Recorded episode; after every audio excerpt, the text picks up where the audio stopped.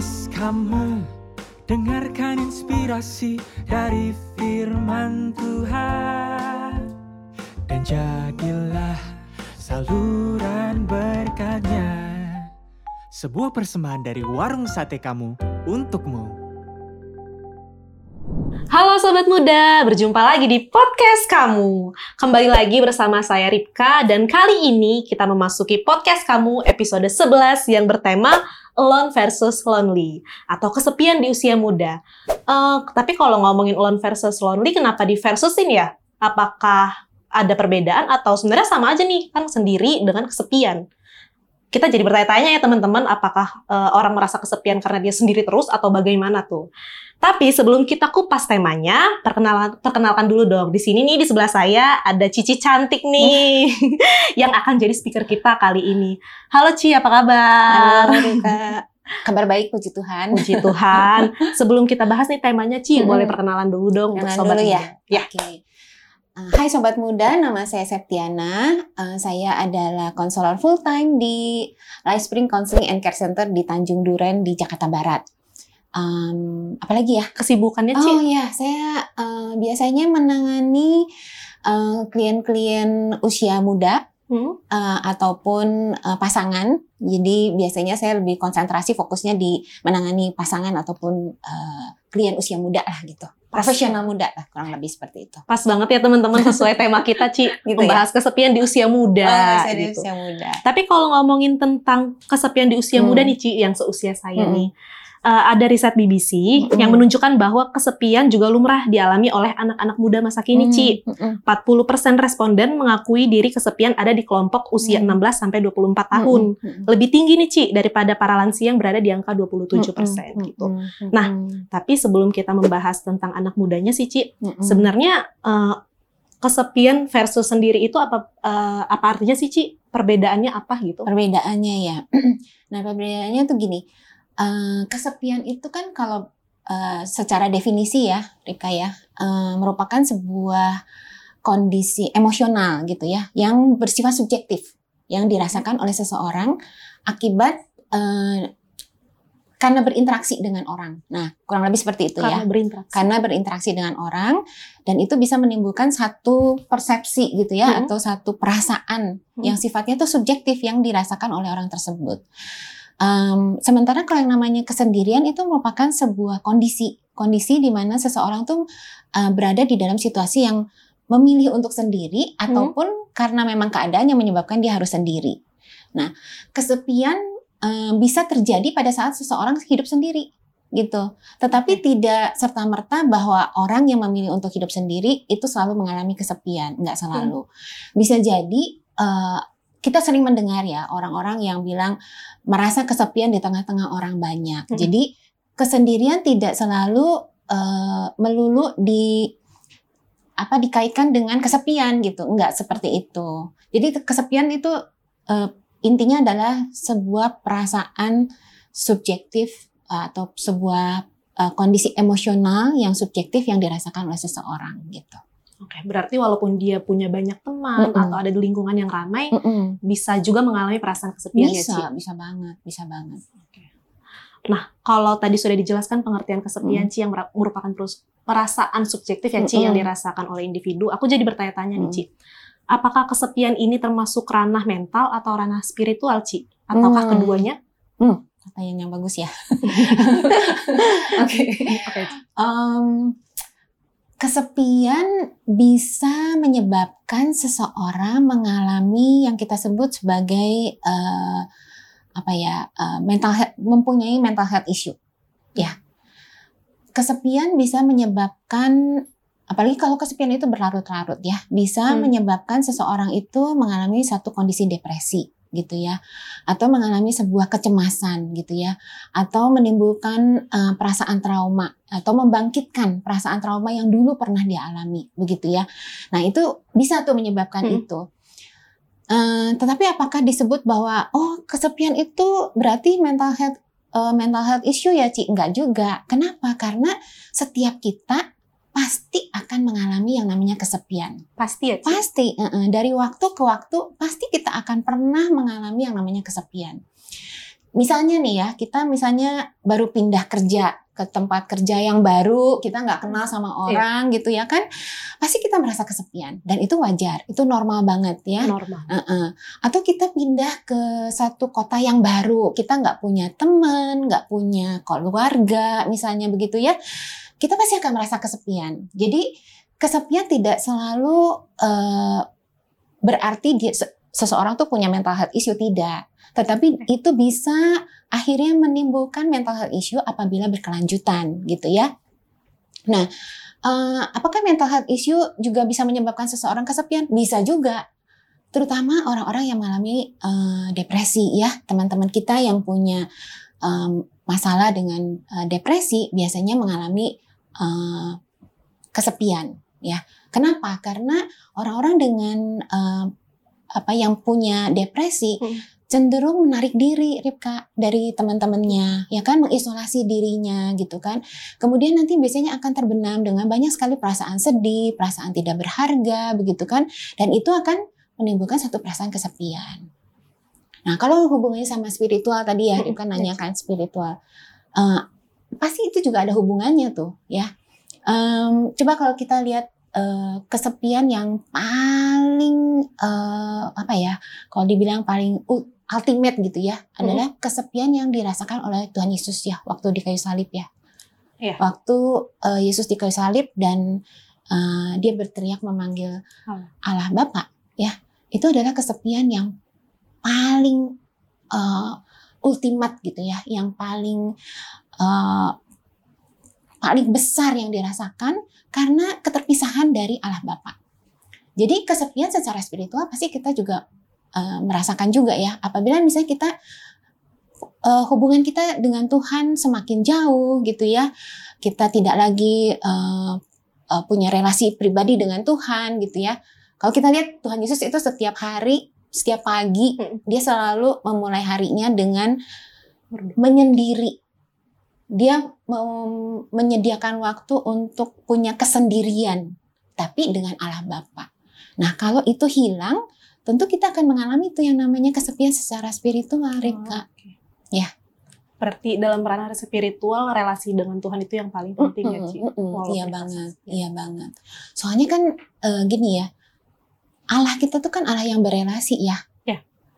Itu sebabnya waktu eh, Allah menciptakan Adam dan Adam itu hidup sendiri, Allah melihat bahwa Adam itu butuh seorang pendamping, ya. Dan pendampingnya tuh kan bukan binatang gitu ya. Orang sediain binatang banyak gitu ya. Iya. Nggak ada yang bisa connect Mm-mm. gitu ya. Nih, ini makanya pakai pakai Iya, connection. connection ya. Bacanya jangan correction ya, tapi connection ya. Connection terhubung ya, Ci. Terhubung ya. Orang tuh sering lupa soalnya koreksi dulu baru connect gitu kan. Mm. Padahal harusnya connect dulu baru Mm-mm. koreksi. Betul, betul. Sampai mana tadi ya? Oh iya. Sampai Adam dan Hawa, Oh Ci. iya. Di tengah-tengah semua binatang itu Iya. kan nggak ada yang bisa connect sama Iya. Adam. Maka Tuhan menciptakan Hawa itu karena Tuhan tahu eh, Tuhan itu adalah Tuhan yang berelasi gitu. Tuhan yang mencari manusia kan yang yang menjadi ketika manusia jatuh dalam dosa aja Tuhan yang cari duluan gitu kan. Jadi emang Allah yang berelasi kan. Ya, manusia diciptakan memang untuk berelasi kayak gitu. Oke, Ci. Tad- eh, tadi sempat dibahas nih, Ci, yang ranah mental health. Mm-mm. tentang depresi. Eh, Aku jadi kepikir sih, Ci, eh, bukankah kalau kita per- merasa kesepian dulu bisa menimbulkan depresi? Kalau tadi kan Cici mentionnya depresi bisa mengakibatkan kesepian ya, Ci. Mm-mm. Sebaliknya bisa juga nggak sih, Ci? Bisa, bisa banget. Yang tadi aku bilang ya, kesepian apabila dibi- dibiarkan berlarut-larut, ya, Berlarut-larut, uh-uh, Ci. sehingga menjadi kronis begitu ya. Apalagi kalau misalnya mm, orang tersebut sudah punya tanda kutip punya bakat gitu ya, punya bakat Gimana untuk mengalami depresi.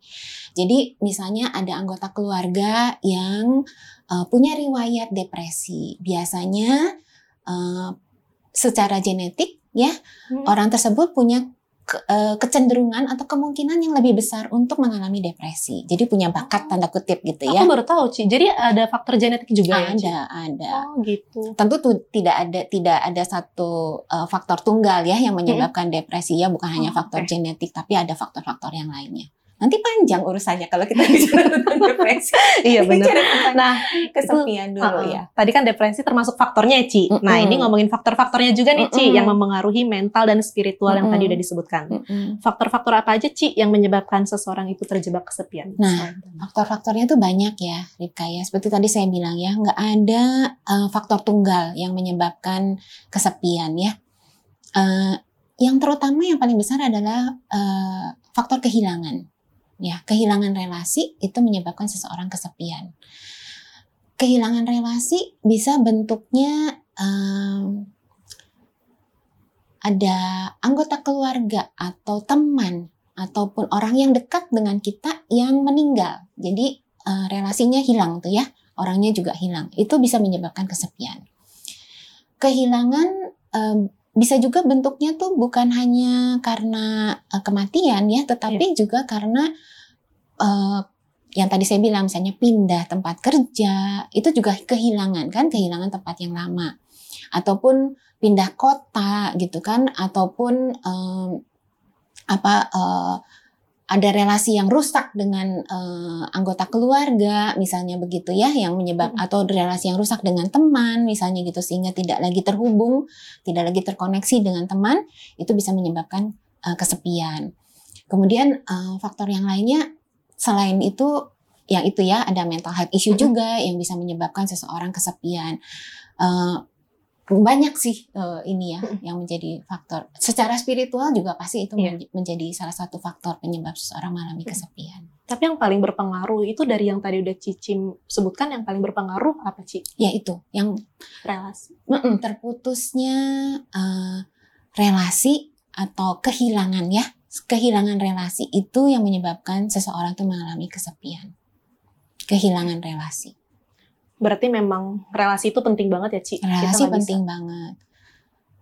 Sebuah penelitian ya, eh, terutama di bidang neuroscience itu ya, Mm-mm. mengatakan bahwa anak-anak yang terhubung dengan orang tuanya itu em, otaknya tuh berkembang lebih besar gitu ya. Jadi artinya ke- kemampuan dia untuk bisa bertumbuh itu lebih optimal kalau dia punya koneksi yang eh, dekat dengan dengan hangat gitu ya dan intim dengan orang tuanya, dengan anak dengan eh, mama dalam hal ini biasanya ya sebagai Hmm. primary figure. Bisa juga bentuknya mungkin bukan mama, bisa bentuknya eh, papa atau bisa bentuknya eyang, opung, engkong, emak atau misalnya pembantu rumah tangga yang memang eh, eh, apa cukup care gitu ya untuk untuk bayi tersebut. Itu penting banget koneksi. Relasi. relasi ya. Nah, kalau tadi kesepian, eh, kalau tadi udah disebabkan faktor-faktornya, Ci. Hmm. eh, jadi bertanya lagi nih, Ci. Kesepian itu selalu Banyak dapat nih pertanyaannya. Enak ini relate banget soalnya Ci untuk kaum muda yang mengalami. Saya juga pernah soalnya nge- ngerasa eh, kesepian dan aku Iya, juga iya, jadi bertanya nih Ci, saya aku. aku jadi bertanya-tanya Ci, apakah perasaan kesepian ini perasaan yang buruk gitu Ci atau Hmm. merusak kita atau Hmm. bagaimana Ci? Nah. Apalagi untuk orang-orang yang introvert gitu. Hmm. Yang mempunyai waktu me time. Mm-mm. Tadi kan aku bilang ya, kesepian itu merupakan sebuah sebuah hal yang normal, wajar banget kalau kita from time to time itu kita mengalami yang namanya kesepian, ya kan? Eh, apakah itu sesuatu yang buruk? Iya, itu akan jadi hal yang buruk apabila kita mulai menarik diri. Kita mulai mengisolasi diri, ya. Dan akhirnya akan mempengaruhi fungsi hidup kita yang lainnya. Kita mulai kehilangan motivasi gitu ya untuk bekerja, kehilangan motivasi untuk bertemu dengan orang, bahkan yang paling parah kesepian itu bisa menyebabkan seseorang ingin mengakhiri hidupnya. Karena eh, bayangkan kalau kita tidak punya siapa-siapa gitu ya, kita merasa sendirian gitu ya. Itu sebuah sebuah tadi kan saya bilang itu perasaan emosional subjektif ya yang sangat-sangat tidak bisa tertanggungkan gitu sehingga eh, akan menjadi buruk ketika akhirnya seseorang itu berpikir tidak ada jalan lain kecuali saya mengakhiri hidup karena tidak ada lagi tujuan gitu ya. Nah tapi memang betul ada orang-orang introvert itu yang gimana mau terkoneksi Mm-mm. sama orang gitu ya Tipe-tipe yang bukan mulai duluan tipe-tipe yang bukan mulai duluan gitu kan pasti eh, lebih sering diliputi dengan perasaan kesepian dan itu ya sekali lagi itu merupakan sebuah hal yang normal, yang wajar. Jadi kenali aja gitu. Oh iya ya, kalau saya suka bilang sama uh, klien saya atau teman-teman saya tuh ya, kenali aja kalau dia lagi datang berkunjung dia, dia tuh kita kesepian ya, si kesepian itu lagi datang berkunjung, kenali aja. Oh iya, saya lagi kesepian. Oh, lagi datang berkunjung nih si kesepian nih ya. Oh ya dikenali aja kehadirannya. Karena kalau kita nggak kenali kehadirannya, kita akan terbawa tuh sama si kesepian jadinya malah makin eh, nggak uh, pengen ketemu orang makin seneng sendirian gitu makin makin makin lah gitu tapi kalau mis uh, misalnya dia mencari teman Ci itu bisa menjadi solusi nggak sih Ci mencari teman Untuk... menjadi solusi iya karena lagi ya kita diciptakan itu untuk terkoneksi sama orang. Ya hmm. Ingat nggak ada satu film ya di mana ada satu, ceritanya satu orang terdampar di sebuah pulau, nggak usah sebut lah ya filmnya. Ya, kayak nggak apa-apa sih. dan akhirnya dia menciptakan uh, itu kan uh, dari bola uh, apa sih? Si Wilson lah itu bola uh, apa volley dari bola oh. volley kalau nggak salah dan diajak ngomong gitu ya. Iya memang uh, harus gitu ya harus ketemu sama orang kalau kita kita aja bisa merasakan selama pandemi ketika kita nggak ketemu sama orang gitu kan kita hanya bertemu secara online makin lama kita makin merasa jauh ya sama orang ya makin lama kita makin merasa kok kita sendirian ya? Makin lama kok kita merasa kok makin kesepian ya? Apalagi anak-anak yang tinggalnya di kos-kosan sendirian gitu kan ya makin lama makin berasa sendirian. Jadi memang harus ketemu harus. sama orang tapi uh, teman yang seperti apa sih Ci yang harus kita cari? Nah. takutnya kalau kita menemukan teman yang kurang tepat mm -mm. bisa bikin kita makin merasa kecewa atau kesepian mm -mm. gitu Ci. Mm -mm, mm -mm, benar banget ya. Teman uh, gini prinsipnya adalah kita tuh kan harus terkoneksi sama orang ya teman bisa aja menjalin persahabatan dengan teman yang kita secara bijak memilih lah gitu ya teman yang uh, memberikan pengaruh yang positif atau membuat kita bertumbuh gitu ya. Yeah. Tetapi teman juga bisa bentuknya adalah orang asing gitu. Intinya adalah kita membuka koneksi sama orang, ngobrol we gitu ya sama orang, nggak kenal juga nggak apa-apa. Cari aja Google ya, 36 pertanyaan untuk membuka percakapan dengan orang asing. Nah, mulai dari situ Mulai dari 36 pertanyaan. Pertanyaannya apa? Pokoknya pertanyaan random ya. Kayak misalnya contohnya, uh, kalau kamu uh, boleh milih mau dinner sama siapa, kamu pengen dinner sama siapa? Nah, sesimpel itu. Ketemu yeah. sama orang asing, coba ngobrol, coba aja gitu ya. Kamu akan merasakan satu perasaan terkoneksi lagi tuh ya, terkoneksi lagi. Terkoneksi dengan seseorang dan itu berdasarkan penelitian ya. Hmm, seseorang merasa terkoneksi dengan orang lain akan meningkatkan well-being gitu ya. Terus akan meningkatkan uh, resiliensi juga hmm. gitu ya. Dan juga akan membuat panjang umur gitu, hidupnya juga lebih bahagia. Jadi memang harus dimulai. Kalau tidak bisa memulai dengan teman yang jadi sahabat, mulailah dengan orang asing ya ngobrol lah sama tukang ojek gitu ya. Kalau lagi kos-kosan ya, ngobrol tuh sama tukang sama Mbak yang jaga kosan ya kan, tanya Mbak apa kabarnya? Mbak hari ini udah makan apa gitu. Mbak hari ini masak apa? Oh gitu ya Mbak ya. Itu masaknya gimana caranya? Nah, mulai dari situ. Ya kan? Kalau enggak misalnya kamu keluar gitu ya atau masuk ke kantor gitu kan ya ketemu sama uh, siapalah uh, teman-teman kantormu sebelah tanya yang tadi saya bilang 36 pertanyaan. Random 36 pertanyaan untuk kalau bingung topiknya ya Ci? Kalau bingung topiknya gitu. Berarti uh, kita uh, punya relasi dengan Tuhan pun memang nggak uh, cukup ya Ci? Kita harus mau keluar untuk uh, memulai hubungan duluan dengan banget, orang ya banget iya okay. banget. Nah, tapi kalau dampak secara psikis tadi kan udah banyak disebutin ya, Ci. Mm-hmm. Uh, dampak secara fisik tuh bagi tubuh seseorang yang terjebak dalam kesepian apa aja sih, Ci? Oh banyak, banyak. Itu uh, berdasarkan penelitian ya, kan bisa mempengaruhi secara fisik juga ya. Mm. Artinya uh, masalah dengan jantung misalnya gitu ya, atau dengan uh, apa namanya um, kesulitan tidur gitu ya, membuat seseorang mengalami insomnia misalnya gitu ya. Nah insomnia itu bisa nanti ber, berlanjut tuh ke mana-mana tuh ya. Hmm. Nanti jadi sakit kepala, nanti mempengaruhi juga fungsi uh, pencernaan dan sebagainya dan sebagainya. itu secara fisik ya. Secara psikis kan tadi udah dibahas ya, Mm-mm. bisa mempengaruhi itu seseorang punya depresi sampai mengarah pada em, apa namanya bunuh diri dan sebagainya gitu. Nah tapi memang ya Rika ya, eh, yang tadi saya bilang ya, ayo cari teman gitu. Kalau nggak punya teman, ngobrol aja sama orang asing. Kadang-kadang untuk kasus-kasus tertentu ya, apalagi eh, misalnya orang-orang dengan mental health issue ya, tentu tidak semudah itu gitu ya untuk memulai percakapan. Maka butuh pertolongan profesional sih Rika untuk eh, apa ya istilahnya mem- membantu dia ngeberesin dulu lah gitu ya. Eh, entah itu depresinya, entah itu misalnya traumanya, entah itu misalnya kecemasannya gitu ya, gangguan kecemasan yang mungkin lebih tepat kalau ditangani oleh eh, konselor-konselor profesional. Nah kalau teman-teman misalnya merasa, aduh cari ke mana ya Ci, nggak apa, boleh silahkan datang ke Life Spring gitu ya. Di sini banyak sekali eh, konselor-konselor yang eh, memang eh, secara profesional eh, mendalami em, sekolah ya untuk Hmm. eh, konseling gitu ya ataupun psikologi gitu ya. S2 psikologi maupun S2 konseling dan eh, teman-teman di Life Spring ini semuanya anak-anak Tuhan gitu ya.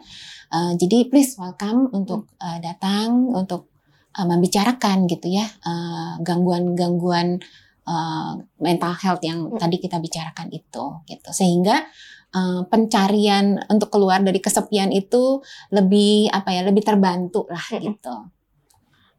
Eh, kalau tadi disebutkan mental health ya Ci, Mm-mm. eh, seerat apa sih Ci kaitan antara kesepian dengan depresi atau stres? Ah, erat sekali itu, Ah, erat sekali. Kalau eh, stres itu kan stres sama depresi lain kan ya. Oh ya, gimana tuh Ci? Gimana Nanti Ci? panjang. Tapi Tapi gini, stres bisa menyebabkan seorang depresi nggak? Bisa. Depresi bisa menyebabkan seorang stres nggak? Bisa. Itu ada kaitannya nggak? Ada. Kesepian ada nggak kaitannya sama depresi? Ada banget. Tadi kita udah bicara banyak ya. Ada korela mereka berkorelasi, berkorelasi tuh mereka tuh si kesepian dan si depresi itu berkorelasi. Stres berkorelasi nggak dengan si depresi? Banget gitu. Itu pasti ada kaitannya. Tapi apakah kesepian menyebabkan seseorang stres? Bisa, bisa banget gitu. Kalau kita kesepian, makin lama makin kesepian, nggak bisa cari teman, makin stres nggak makin stres gitu ya. Berasanya kayak, aduh kenapa gue kok nggak bisa ya punya temen ya? Aduh kenapa kok nggak ada yang eh, care ya misalnya sama gue ya misalnya. jadi atau- negat, makin negatif thinking. jadi makin negatif thinking, Ha-ha, gitu. Berarti kalau eh, depresi sama stres itu apakah perbedaan tahap atau gimana Ci untuk bisa membedakan sih Ci kalau ketika kesepian apakah ini karena stres atau karena depresi? Eh, iya, itu eh, stres sama depresi itu dua hal yang berbeda, ya kan? Kalau eh, orang tuh pasti mengalami stres sama kayak kesepian. Semua orang pasti mengalami stres dan kadang Pasti, stres itu dibutuhkan ya. Oh, dibutuhkan, Mm, Ci. dibutuhkan. Kalau misalnya eh, Ripka nih dikasih deadline nih sama Hmm. ODB nih ya. Our kan daily stres kan, langsung stres kan ya, stres. Waduh, ini harus eh, tayang nih Hmm. gitu ya. Tapi stres yang positif karena membuat Oke. Ripka harus termotivasi ya kan untuk menyelesaikan gitu kan. Terus termotivasi untuk mikir nih topik-topiknya apa Hmm. gitu dan sebagainya dan sebagainya. Stres dibutuhkan. Tapi kalau stres berkelanjutan bisa menyebabkan seorang depresi nggak bisa banget gitu ya. Nah, tapi depresi itu beda beda beda jurusan gitu ya. Oh, oke. Heeh, itu lebih ke satu kondisi eh, mental seseorang yang eh, ya itulah Lebih khusus ya. Ci? Lebih khusus. ya. Nah, Ci, kalau kita tadi ngebahas tentang kesepian hal yang normal, Mm-mm. eh, misalnya kita udah mencari cara Ci untuk menghilangkan kesepian, apakah kesepian itu bisa total hilang hingga kita nggak bisa merasakan kesepian lagi atau itu hanya sementara waktu, Ci? Hmm, kalau dibilang total hilang enggak ya, enggak enggak mungkin bisa total hilang. Saya rasa sejak manusia jatuh di dalam dosa ya, Mm-mm. itu kan ada keterpisahan dengan Allah, Ya. ya kan? Sehingga si kesepian itu akan selalu ada tuh di dalam diri kita ya, akan selalu mewarnai, mungkin mengikuti juga eh, yang tadi saya bilang ya from time to time gitu ya Hmm. pasti akan akan selalu ada. Jadi kalau dibilang hilang total eh, selama kita hidup di dunia kayaknya nggak mungkin hilang ya. Kecuali nanti mungkin kita, kita udah kembali ke rumah Bapak di surga ya, udah nggak ada lagi yang namanya kesepian ya. Udah langsung berjumpa dengan pencipta kita bukan? Tapi Iya. kalau dibilang hilang total enggak. yang bisa kita lakukan adalah meminimalkan atau uh, mengenali ya setidaknya mengenali mengenali oh iya saya saya kesepian nih gitu mengenali dan uh, kemudian berusaha untuk mengelola kesepian hmm. tersebut hmm. uh, uh, mengelola jadi dikenali kemudian dikelola dikelola gimana caranya connect with people jangan lama-lama pegang handphone gitu ya kan ini handphone kita tuh canggih banget ya yeah. di diperlengkapi dengan yang namanya laporan. Hari ini Septiana sudah screen time-nya berapa jam gitu. Kalau nggak dia suka kasih report kan. Minggu lalu ya on average screen time kamu sekian wow. jam gitu ya kan. Handphone kita bisa memberikan kepada kita laporan seperti itu. Artinya apa? Kurangi screen time. Connect with people, ngobrol gitu ya. Taruh gitu ya Jangan lama-lama scroll scroll scroll gitu ya di hmm. sosial media. Kalau perlu uninstall, uninstall dulu beberapa saat gitu ya. Kan tidak forever ya. Nanti perlu lagi untuk tahu gitu ya hmm. Kondisi teman-teman atau misalnya supaya tahu kekinian melalui sosmed. Tapi from time to time uninstall. Uninstall uh, apa namanya uh, Instagrammu atau Facebookmu begitu ya Itu atau ya, Twitter. Ya, iya. Uh, kayak orang detox gitu ya. Supaya apa? Supaya membuat kamu tuh mau nggak mau connect sama orang. Telepon Instagram chatting gitu. dan jadilah saluran berkatnya. Sebuah persembahan dari warung sate kamu untukmu